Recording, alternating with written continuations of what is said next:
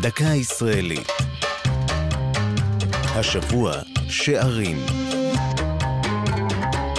והפעם שירים ושערים.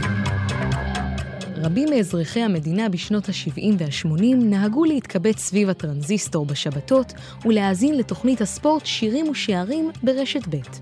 לפני שידורה נאלצו חובבי הכדורגל להמתין למהדורת החדשות בצאת השבת, על מנת לשמוע את תוצאות משחקי הליגה הלאומית, שהייתה אז הליגה העליונה. אז הגה שדרן כל ישראל גדעון הוד את הרעיון לתוכנית ספורט ראשונה מסוגה, בהשראת תוכנית דומה ברדיו באיטליה. שירים ושערים שודרה מ-1970, אבל למרות שמה כמעט לא שודרו במהלכה שירים. את מקומם מילאו דיווחים נלהבים של שדרי הספורט. בכל פעם שקבוצה הבקיעה שער, שודר מיד אות מיוחד שהפך לאחד מסימני ההיכר של התוכנית. הסגנון היצירתי של השדרנים היה מושא להומור, ושימש את שלישיית הגשש החיוור במערכון שירים, שערים וטכנאים. כאן זוהר אלול מעכו.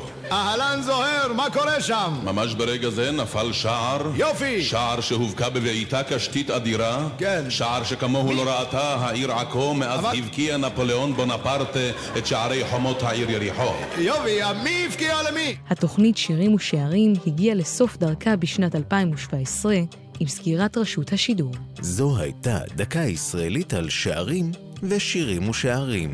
כתבה שירה אל-עמי. ייעוץ הדוקטור חיים קאופמן. ייעוץ לשוני הדוקטור אבשלום קור.